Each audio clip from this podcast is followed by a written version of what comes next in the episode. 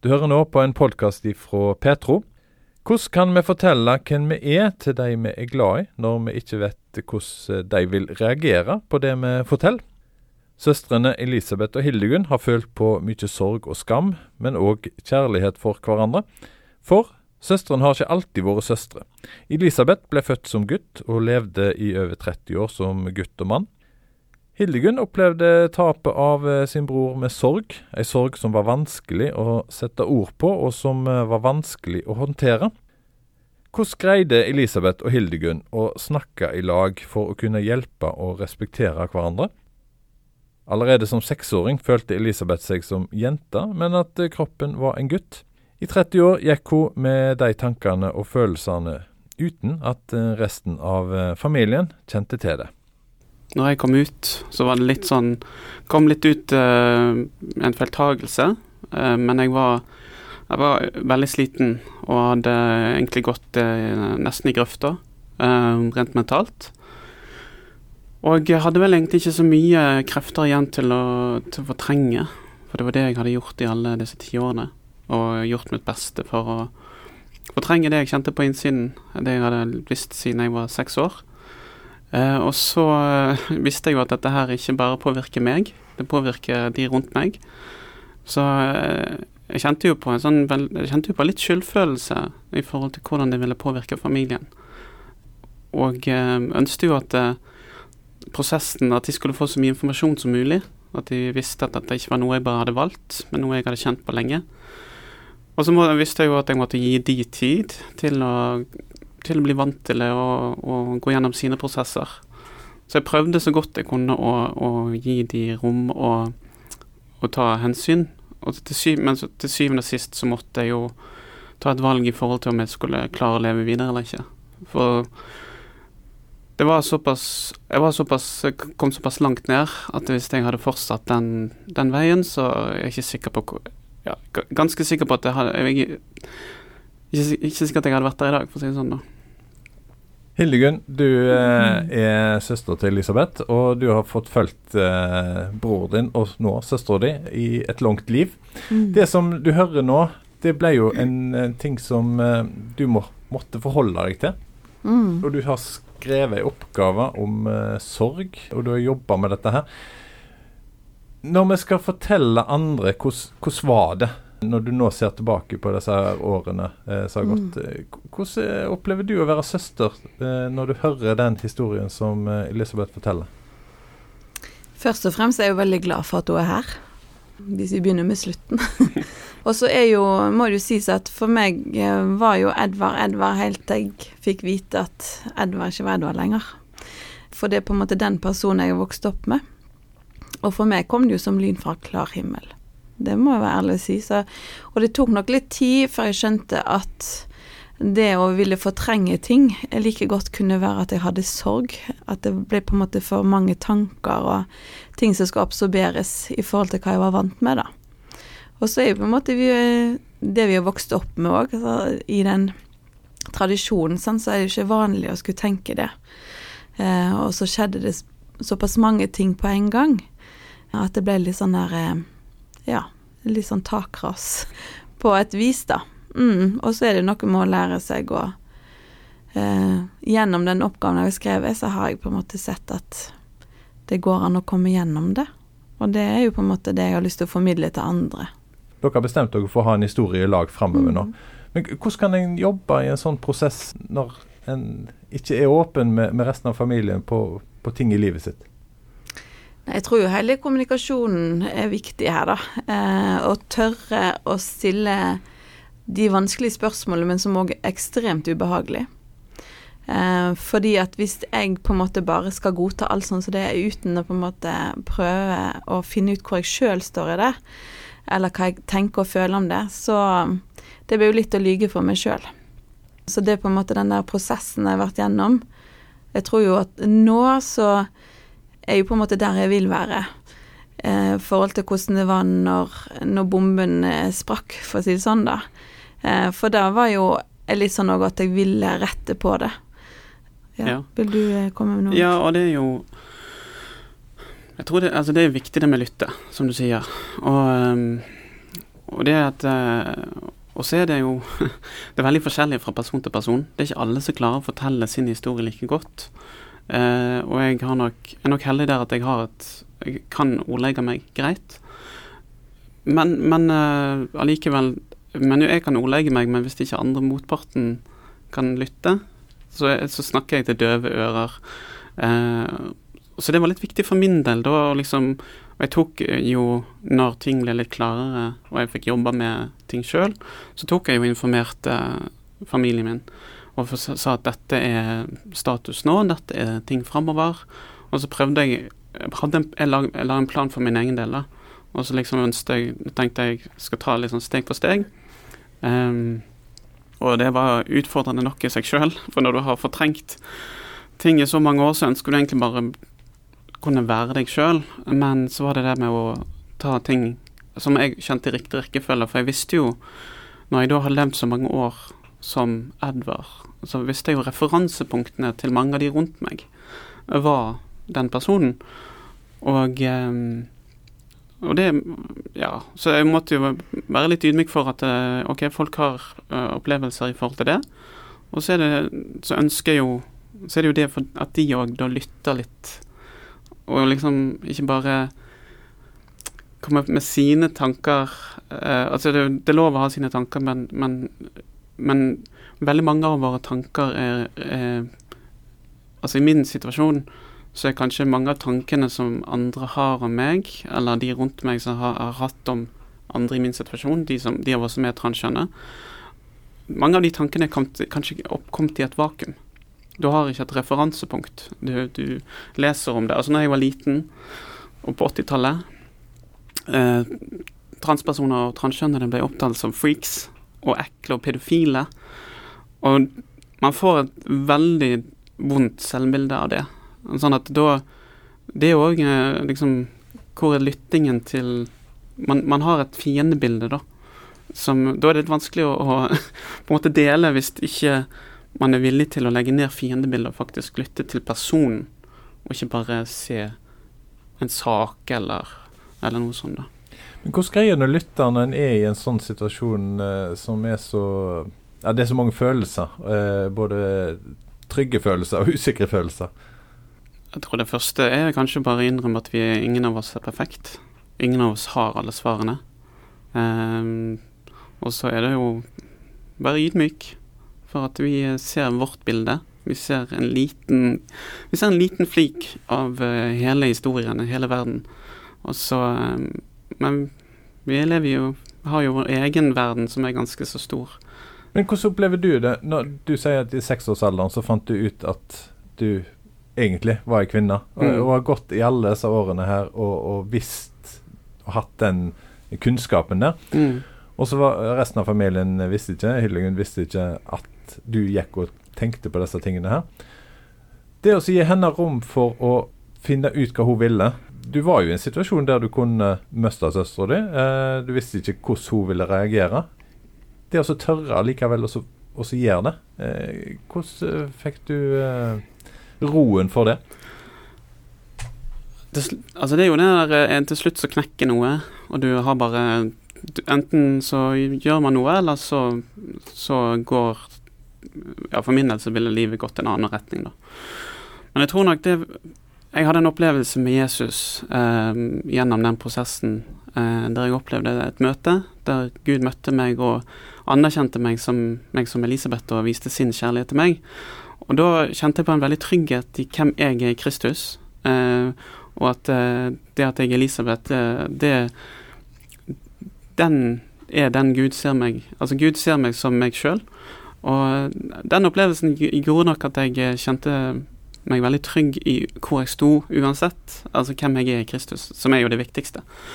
Uh, og så, så, kjente jeg litt at eh, Eh, jeg skal jo innrømme at det var, var jo uh, første gang når, eh, når, ting på en måte smalt, og jeg måtte forholde meg til ting, så jeg var livredd for hvordan dette ville påvirke alle. Jeg, jeg gikk ned ganske mange kilo i løpet av et par uker. Spiste nesten ikke og sleit veldig. Så det er jo et, det en reelt scenario som jeg har, har hørt om og lest om. Men til syvende og sist så Jeg tror nok det med at jeg var hadde hatt den opplevelsen og møtte med Jesus som gjorde at jeg kjente en veldig trygghet. Um, og så vet jeg jo at uh, så var jeg nok veldig heldig med at familien var Det første de sa, det var at de var glad i meg. Så jeg skjønte jo at dette her, selv om det kunne være en tung reise for dem, så var det en kjærlighet der som um, som, var, som var utgangspunktet. Og så Det er jo tøft å stå i, sant, og det er jo kanskje det at eh, på en måte har du lyst til å stille flere spørsmål om hvorfor ble det sånn, eh, men så er man kanskje litt redd for svarene, så da lar man være å stille de, svarene, eller de spørsmålene, da. Men jeg tror jo for meg sjøl så var det sånn at når jeg skrev den oppgaven og, og jobba meg gjennom det, så var det jo på en måte òg lettere å se Elisabeth for den hun er. Uh, for at man leter jo hele tida etter svar, hvorf, eller spørsmål. Hvorfor ble det sånn, og har jeg gjort noe galt? Har mamma gjort noe galt, uh, mamma og pappa? Eller er det på en måte omgivelsen som gjør Altså, det, man prøver å finne svar i alt, og jeg tror på en måte det sliter jo man seg ut på. Og så har jeg jo lært at det her med ting vi ikke vet noe om, det frykter vi. Og hvordan kan vi unngå å frykte? Jo, det er faktisk å ta et lite oppgjør med oss sjøl. Hvorfor har jeg de tankene jeg har? Og hvorfor føler jeg på en sånn avsmak når jeg tenker på de tingene her? Ja, da har det med dine holdninger å gjøre. Og vi er jo satt til å elske våre medmennesker. Og hvis vi ikke kan begynne i nærmeste familie, så er jo det Det er faktisk litt viktig. Men mm. for meg så var det òg det at jeg var nødt til å jobbe meg gjennom det for å se hvor Elisabeth var henne. Altså det er ofte Man må liksom gå noen skritt ut for å se, og sånn er det med alle ting. Eh, og noen kan òg kanskje tenke sånn Ja, men hvorfor kom hun ikke ut tidligere? Det er vel òg det samme som en skilsmisse, har jeg hørt, at uh, ofte så er det sånn at den parten som har valgt å gå, har sikkert tenkt på det i lang tid. Og for den som blir igjen, så blir det plutselig sånn altomvendende eh, hendelse akkurat der og da. Sant? Og sånn var det nok for oss òg, at Elisabeth hadde tenkt på det en stund. For oss ble alt nytt, så vi måtte òg lære et liv sånn som det var, skulle være videre. Du har skrevet oppgaver om dette her. Du er altså ja. utdanna til diakon i, i Den norske kirke. Jobber du nå? En annen ting som du har gjort for å bearbeide disse tankene du har fått, er å skrive dikt. Det var på en måte den innledningen jeg hadde lyst til å ha til oppgaven for å sette på en måte litt sånn fokus på den sorgen eh, det er, da, når man har hatt noe nær deg, og så er det ikke de du kanskje har trodd de er. Men så helt innerst inne, så er de der kanskje allikevel. Ja. Så det, det er godt å, å skrive dikt, altså. Hvem er du? Ser du det jeg ser? Innerst, helt der inne, min beste lekekamerat og venn, stolt over de vi var sammen. Hvor er du? Er du der? Jeg ser deg ikke. Så skjønner jeg, jeg ser ikke etter hvem du er, men etter hvem du var. Med disse her eh, reisa ifra du fikk vite dette, Helligen, til, til du, du måtte bestemme deg Mm. Hvordan skal jeg eh, håndtere dette her? Mm. Bruker ordet sorg på det. Søster di er jo her. Eh, hva, hvorfor ja. Eh, blir det sorg ut av det? Fordi at uh, det er nok uh, uh, Edvard er ikke her lenger for meg. så det er litt sånn komplisert sorg, da. Fordi at Elisabeth er her, men Edvard er ikke her. så jeg har ikke den graven til å gå for den som er blitt borte. Og så er det noe med i en eh, sorgprosess så reagerer kroppen òg med ulike ting. Sant? Jeg kjente på veldig sånn stress med å finne ut hvorfor er dette her sånn, og, og kjente òg at eh, jeg hadde så mange spørsmål hele tida. Eh, og det var på en måte ikke før jeg begynte å definere det kanskje som en sorg, at, at ting falt litt på plass.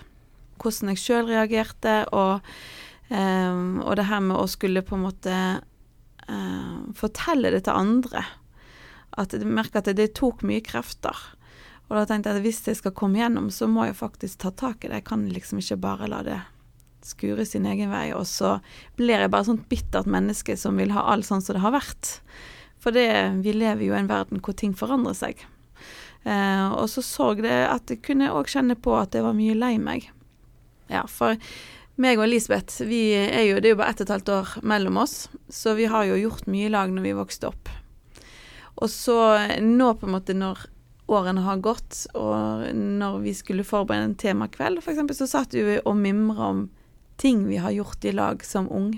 Og da tar man på en måte historien litt tilbake.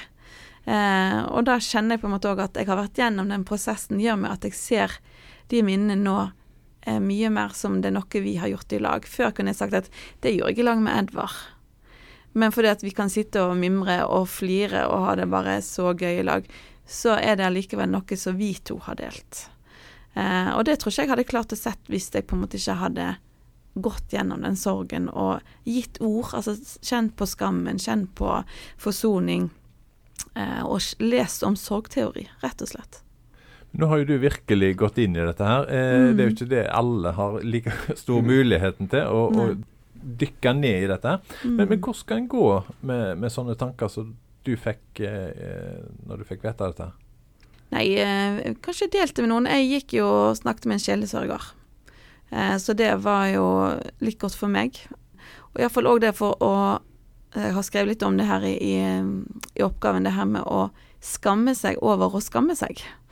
Eh, for meg var det viktig å snakke om det, hvorfor jeg kjente på det. Og ofte så er jo skam noe som blir påført av andre.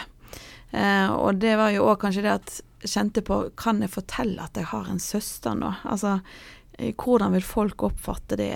Og, og det her med forsoning at Elisabeth har jo ikke gjort noe galt. Hun har bare valgt å gjøre noe som hun har kjent på lenge.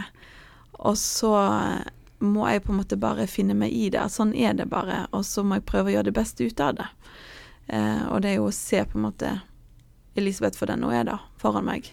Så det er mange sånne ting, men, men snakk med noen. Det vil jeg jo absolutt eh, oppfordre til, og ikke gå og ber på alene.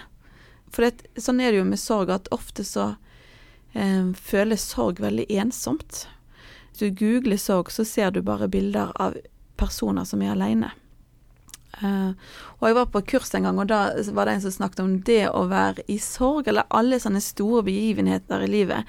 Da er vi alle førsteperson. Altså er det en barnedåp, så er det 'Å, jeg er tanta til barnet', det er veldig stort, sant. Uh, sånn er det faktisk med sorg òg, at når man opplever sorg, så er vi alle førsteperson. Så den sorgen jeg sitter med, er like viktig som din sorg. Uh, men vi definerer den forskjellig. Eh, og så lærte jeg òg at i sorg så er alt det unormale, det er normalt. Eh, og det er ingen som skal definere hvor raskt man skal gå gjennom en sorgprosess. Om, det er ikke en sånn easy fix at i morgen så er jeg over det. Jeg kan til og med nå kan jeg sånn åh, jeg husker når meg og Edvard Altså, det kan fremdeles henge igjen, og det må få lov til å være der. Så jeg tenker òg sorg er viktig, at man ikke skal definere at nå er den ferdig. Eh, den skal få lov til å, å, ligge der, og så er det den som gjør òg at jeg klarer å være der jeg er i dag. Men du visste jo og var klar over de sorg, men de rundt deg igjen, folk mm. du møtte, arbeidskollegaer og all Altså, hvordan skal vi på en måte eh, skjønne sorga du er i, eh, når, når, det er på en måte en sånn Du kalte jo litt sånn usynlig sorg. Veldig vanskelig å si, da. For det er jo det er jo ikke alle som velger å være åpne om dette her. Men hvis man er åpen, så tenk å være imøtekommende. Støtt, og ikke kom med noen sånne formaninger om at nei, dette er feil og alt med sånn, for de kan ikke se seg inn i situasjonen. Eh, og så har det jo vært en prosess for meg òg å, å, på en måte erkjenne at sånn, nå er det sånn det er. Eh, og det er ikke opp til meg å avgjøre hvem Elisabeth vil være. Og det tenker jeg òg er viktig at de du har samtale med, at ikke de skal definere det. At heller òg som jeg sa, jeg tørre å stille de her vanskelige spørsmålene. Hva kjenner du? Altså at kan til, Man kan få lov til å uttrykke hva man kjenner på, uten at noen skal bare Nei, det passer ikke. Sånn kan du ikke føle.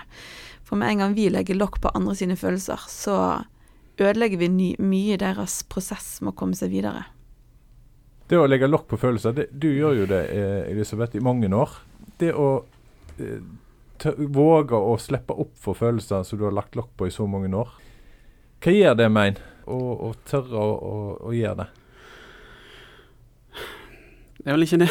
Det er litt det der med å, jeg, Altså, når, når det der eh, sprakk for min del, da, så var det litt sånn sånn trykkoker. Sant? Altså, den hadde vært og kokt så lenge, og så bare spratt Altså, eller den eksploderte egentlig, da. Føltes litt ut som i hodet. Og da Altså, du, det har gått så lenge at det Jeg måtte jo bearbeide ting sjøl. Jeg visste jo når jeg begynte å jobbe med ting, så ville det være litt sånn Pandoras eske. For jeg hadde fortrengt så utrolig mye. Og jeg hadde liksom sagt stygge ting til meg sjøl. Jeg hata den delen av meg som jeg kjente på var feil pga. hva jeg hadde hørt. Eh, den egentlige meg. Så jeg hata jo meg sjøl. Nei, det var en prosess, eh, og det er jo Det er veldig ødeleggende, da, å, bære på, på sånn, sånn smerte alene. Sånn at eh, selv, altså det er når eh, den psykiske helsen blant de av oss som er trans, er såpass lav, så er det fordi at bildet er så utrolig komplisert. Og eh, de rundt oss ser bare en liten flik av det. Um, når Elisabeth kom ut uh, og fikk gå til psykolog, så er jo Altså, historien rammer jo ikke bare Elisabeth, den rammer jo alle. Det er det som vi sa i sted om å være førsteperson. Uh, at helsevesenet kanskje i større grad òg kunne hatt fokus på pårørende og familiene rundt, for det er så mye sorgprosesser der, og det alt Det var ikke alt vi hadde lyst til å ta opp med Elisabeth, fordi at vi så jo at hun hadde det tungt og vanskelig, selv om hun kanskje hadde satt pris på at vi gjorde det. Så er alt så nytt. Og det å kunne ha på en måte en, en eh, psykolog eller en psykiater og stille Er disse her tankene, er disse følelsene helt greit? Altså, er det normalt? Eh, og sikkert derfor jeg var nødt til å skrive en sånn oppgave. Hva er normalt, og hva er unormalt å kjenne på? Så hvis det er noen fra helsevesenet som hører på, så lag grupper som, hvor familien kan få lov til å bli innlemma. For det er jo sånn som Elisabeth har sagt, at når en transgender kommer ut, så er det ikke bare de som kommer ut, det er jo på en måte Det er så mange flere det angår, da. Mm. Som òg trenger på en måte å komme ut og få en ny identitet som en ny familie, da. Altså Du har jo eh, Elisabeth, eh, fremdeles søster eh, Hildegunn. Eh, mm. Har hun eh, endra seg, syns du, eh, i løpet av eh, disse her eh, åra? vi er vel seg sjøl lik. vi er jo begge to blitt litt noen år eldre, og kanskje visere begge to. mm. Nei, men jeg, jeg tror ikke hun, jeg føler vel ikke at hun har endra seg, bare at, at vi er vel Vi har en mer Vi er litt tilbake til der vi var. Eh, og, og eh, ja, snakker om løst og fast og har en, en fin tone og ler sammen. Og, så ikke endrer seg som person, men jeg ser jo det at hun Det er en annen hun forholder, Jeg ser jo det litt i refer, referansen til meg. sant? Altså Når vi treffes, så er det kanskje litt annerledes nå enn det var for noen år siden. Mm. Merker kanskje at hun, hun er litt mer avslappa. Mm. Kanskje var litt mer anstrengt før. For du, du gikk vel òg for og kjente på en liten sånn at du skulle ikke legge det på meg, sant? men samtidig mm. kjente på denne her disse, disse, disse, følelsene og skammen som du bar på. Mm. Og det kjenner jeg Det merker jeg kanskje nå at det er en mer avslappa og litt mer trygt, på en måte. Det, ja, for det er litt interessant. For, for det å ha maske gir jo eh, er veldig lett å ta på eh, i, i mm. familiesituasjoner. Eh, og mange kristne settinger, ja, det òg. Mm. Men det å ta av seg maska og, og, jobbe med den prosessen der, hva, hva vinner en på det, sånn som dere opplever det? Å tørre å ta den der eh, sorga på alvor, som dere har opplevd? For å si sånn, når jeg ga oppgaven min til Elisabeth, så var jo det med vondt i magen og klump i alle steder i kroppen, på seg. Men, men samtidig så tror jeg det er så utrolig viktig, for det Eh, Elisabeth ville ikke ha visst om den reisen jeg har hatt, hvis ikke jeg hadde tørt å gjort det. Eh, så nå har jeg sagt det her med å stille de vanskelige spørsmålene, men tørre òg å være ærlig med hverandre at dette syns jeg er vanskelig. Eh, og for meg var det jo nesten lettere å gi Elisabeth oppgaven enn å skulle fortelle alt sjøl.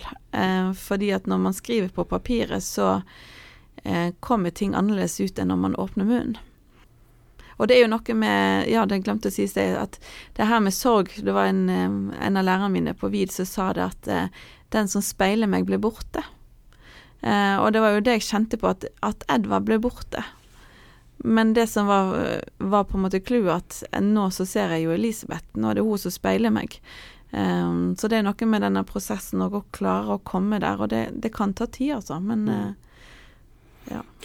Ja, jeg er jo kommet litt der at jeg Altså, jeg har En ting når du, når du lever i skapet, og det går for alle som er LHBT, det er at man blir vant til å lyge om seg sjøl. Og det er, det er utrolig vondt, for du og det, og det er jo for min del noe jeg kan ikke lyge om det minste ting. Altså, jeg må være ærlig. Eh, og, og så masken den falt, og jeg kommer ikke til å ta den på igjen. Jeg Kommer ikke til å ta på noen masker. Jeg kommer til å være meg sjøl. Og det har de kanskje merka flere at jeg sier kanskje mer ifra nå enn jeg var før. For tidligere så var jeg liksom Kanskje ikke konfliktsky, jeg var ikke redd for en utfordring, men jeg tok ikke kampene på samme måte som jeg kanskje gjør nå. Um, for jeg var redd for at det, folk skulle gjennomskue meg. Men nå det er ingenting mer å gjennomskue. Jeg er den jeg er. Uh, og jeg tenker um, Ja, det med å Altså, jeg tror, jeg tror det er viktig, da, hvis vi alle kan være litt flinkere til å skape rom der fasken, maskene kan falle. Sant? At du slipper å leve med den opplevelsen at du må, du må prestere når du kommer inn i kirka, f.eks. At eh, altså, har du ikke alt på stell, så er du, du er Guds barn allikevel. Sant? Altså, det er det der å La oss se hverandre gjennom Guds øyne, da, tenker jeg. Men du har jo gått med masker eh, siden du var seks år, til du eh, heiv den maska, som du sier. Resten av familien din har jo eh, fått veldig kort tid, eh, på en måte, når du kaster maska di, til å, å finne ut hvordan de skulle håndtere det at du, du eh, valgte å bli kvinne, og Elisabeth. Hvordan jobbet du for å gi deg tid til å eh, For du hadde jo 30 års forsprang på dem. Hvordan ga du deg tid til, til å finne sin vei i dette som dere opplevde? jeg lot Jeg var vel ikke, var ikke så veldig sånn på. Jeg tenkte no, jeg var, Altså Hvis man trengte litt tid, så var jeg kanskje Så valgte jeg da kanskje ikke være på et familiebesøk. Bare for jeg visste at her trengte man litt tid til å arbeide seg, jobbe seg gjennom det. Og så er det forskjellig fra person til person. Um, men det var ja, vel noe av det jeg gjorde. Så var jeg sånn I en av samtalene vi hadde, og jeg fortalte om eh, hva, hva som hadde skjedd, og hva, hva liksom status, så sa jeg vel òg til alle så liksom, Men det er viktig at dere kanskje snakker med noen. For dette her Jeg, jeg skjønte jo at dette kom til å bli utfordrende for, for flere. Når jeg da hadde gått og liksom levd med denne maska og vært broren deres og sønnen liksom så lenge, så visste jeg jo at det kom til å være en prosess. Eh, jeg tror det har alt etter hvor er Hvor lenge man har levd i den rollen, da. Men eh, for min del så var det da å prøve bare ikke, ikke avstand på sånn måte, men gi, gi de rom. Eh, og så kanskje ta, treffe en liksom folk én og én, da. Bare sånn at de får en sånn mer enn um, Istedenfor en stor plenum. Og, og liksom få, få treffe meg litt mer person til person, da.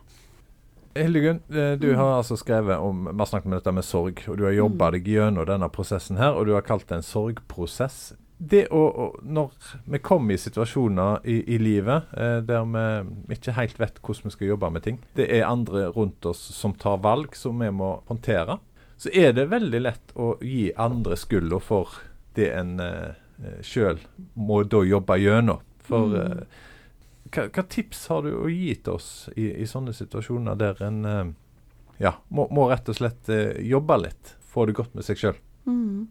Still deg sjøl spørsmålet hvorfor kjenner jeg på dette her? Eksempel, hva er det som gjør at dette blir så voldsomt? Hva er det som gjør at dette gjør meg trist? Hva er det som gjør at uh, dette gir meg sinne? For sorg er òg å være sint. Uh, og så er, som jeg sa i sted, alt, alle sånne følelser er normalt. Eh, og ikke legg lokk på det bare fordi at eh, denne masken skal passe. Eh, for det gjør man jo mange. Man går liksom på kompromiss med seg sjøl fordi at man tror alle andre forventer. Og det er jo det som skam handler om. Sant? At andres blikk definerer hvem du sjøl skal være. Eh, så igjen, kast masken. Eh, drit i skammen. Eh, og gå inn i deg sjøl. Hva er det som gjør med meg? Hvorfor kjenner jeg på disse følelsene? Hvorfor reagerer jeg sånn som jeg gjør? For det eneste du sjøl som kan gå inn i det, og det var det jeg gjorde. Mm. Og så Hvis jeg kan bare legge litt til, da. For det, det som kanskje kan De som står i min situasjon, da, kan kanskje kjenne på at hvis jeg sier ifra, så påfører jeg deg smerte. Men det er jo det er ikke påført. Sant? Altså, du gjør det jo ikke med vilje. Men ja, det vil være smerte. Folk vil kjenne på smerte, og det, er vondt. det kan være vondt. Alle reagerer forskjellig. Men det, det er ikke, man gjør det ikke med vilje. Sant? Altså, jeg gjorde ikke dette her med vilje, liksom. Jeg, jeg måtte, til slutt, til syvende og sist ble det et valg jeg måtte ta for at jeg skulle overleve. Hildegunn, du har fått lov til å lese et dikt allerede, og du skal få lov til å lese et dikt til. Hei, ser du meg? Du begynner med spørsmålet i diktet ditt. Ja, eh, og det er ofte litt sånn godt. Fordi det setter sånn eh, Hva mener du nå? Altså når folk leser det, da. Um, og så er det noe med at eh, det er så lett at når vi møter hverandre, så, eh, så ser vi det vi tror vi vil se. Eh, vi ser det som vi på en måte kjenner til. Men hvor ofte spør vi folk hvordan de har det? Sant? Og det er jo sånn Jeg har vært på et seminar med en som heter Rune Stray, som jobber på Modum, og han sa det at eh, han tenkte sånn at når folk eh, kom til han og spurte hvordan har du det, så, så tenkte han sånn ja, ok, da skal jeg stille et spørsmål tilbake igjen. Har du dårlig tid, så har jeg det fint. Har du god tid, så skal jeg fortelle deg hvordan jeg har det. Og det tenker jeg er viktig eh, i møte med andre òg, at vi Men når du hører eh, Elisabeth si at det, det var kommet så langt at hvis ikke helt om jeg skulle tørre å leve li mm, videre Og så gikk du der som søster og ikke visste mm, hva søstera di gikk igjennom eh, Mm. på den måten der. Det der å stille hverandre sånne spørsmål, hvordan kan vi bli flinke til det? Jeg tenker du skal tørre å stille de spørsmålene som du vet koster deg litt å stille. For du er redd for å få et ærlig svar. Og jeg tenker ærlighet, hvorfor skal det være så ille? Eh, og så meg og Elisabeth, vi har jo begge bikka 40, så jeg tror jo at nå vi har mista litt den derre Vi er ikke så redd for å stille spørsmål lenger. Eh, og det er sikkert det, det diktene er jo skrevet etter at jeg var bikka 40. Hvis man tør å stille ærlige spørsmål, så tror jeg man får en helt annen samtale enn de her eh, ja, og hvordan har du det i dag, og å, fint vær. Altså, det betyr ingenting, men hvis du bare sånn Har du kjent noe i det siste som har rokka med livet ditt? Så vil man få en helt annen samtale. Og hvis du tør å stille de her spørsmålene, så tror jeg at man kan få et mye mer sånn berika livet òg, for at det blir ikke bare sånn plantonisk vi spør om det som ligger på toppen, men man tør å grave litt ned i driten, da. Mm. Eh, og da blir vi bedre medmennesker. Og hvis jeg kan bare legge til der, da, for å dra litt den eh, kristne biten. Jeg tror jo sånne, sånn type samtaler, det er, de, da, da er det er litt sånn hellig grunn. For du, du, du, du ser uh, det medmennesket, det som er Guds barn. Du ser liksom Du, du klar, kan, være ærlig om hvem og hva du går gjennom. Og jeg opplever det Hvis vi alle kan komme der, så tror jeg at vi eh, ja, da kan vi gjøre en god innsats for, for verden, da. Og det tror jeg er kanskje litt av kallet til oss som, som kristne. Og det, var, si, og det var det med å stille de her vanskelige spørsmålene. Det var kanskje det også hjalp meg å eh, tenke hvordan Elisabeth har det nå. Altså hvordan, hvordan er det for Elisabeth å gå til eh, fra huset sitt og til bussen hver dag? Sant? Altså hvordan er det for henne å eh, finne sin plass i samfunnet? For meg er det jo sånn Jeg har min plass. For jeg har et definert, eh, et definert jeg. Men når du på en måte har levd sånn som Elisabeth, og plutselig skal du være en annen, selv om hun egentlig alltid har vært den, så er det noe sånn at hvis vi tar og setter oss i den andre personen sitt liv, så ser man kanskje òg at OK, det koster faktisk litt. Og jeg vet at det koster mye for Elisabeth, alle de tingene hun gjør. Men allikevel så gjør hun det. Og da tenker jeg da skal vi være like tøft og å gjøre ting som koster mye for oss, som å stille det her veldig vanskelige spørsmålet. Hei, ser du meg? Vet du hvem jeg er her foran deg? Ser du mine sår? Ser du mine arr? Ser du bare et omriss av den jeg tror jeg er? For jeg er her, jeg, helt her inne. Ser du godt, ser du meg, slik jeg er. Det er bare så lett å skjule meg. Det virker lettere å være som deg. Spør meg. Snakk til meg. Tør du komme et skritt nærmere? Det var altså et dikt som du, Hildegunn eh, Nordbakken, har skrevet. Og eh, vi må takke for at dere tok dere tid til å være her i eh, studio i dag og fortalte om eh, den veien som dere er begynt på nå, søstrene Hildegunn og Elisabeth. Elisabeth Meling er leder av Skeivt kristent nettverk. Hildegunn Nordbakken jobber nå som diakon i Den norske kirke på Askøy, har òg tidligere jobba i Misjonssambandet.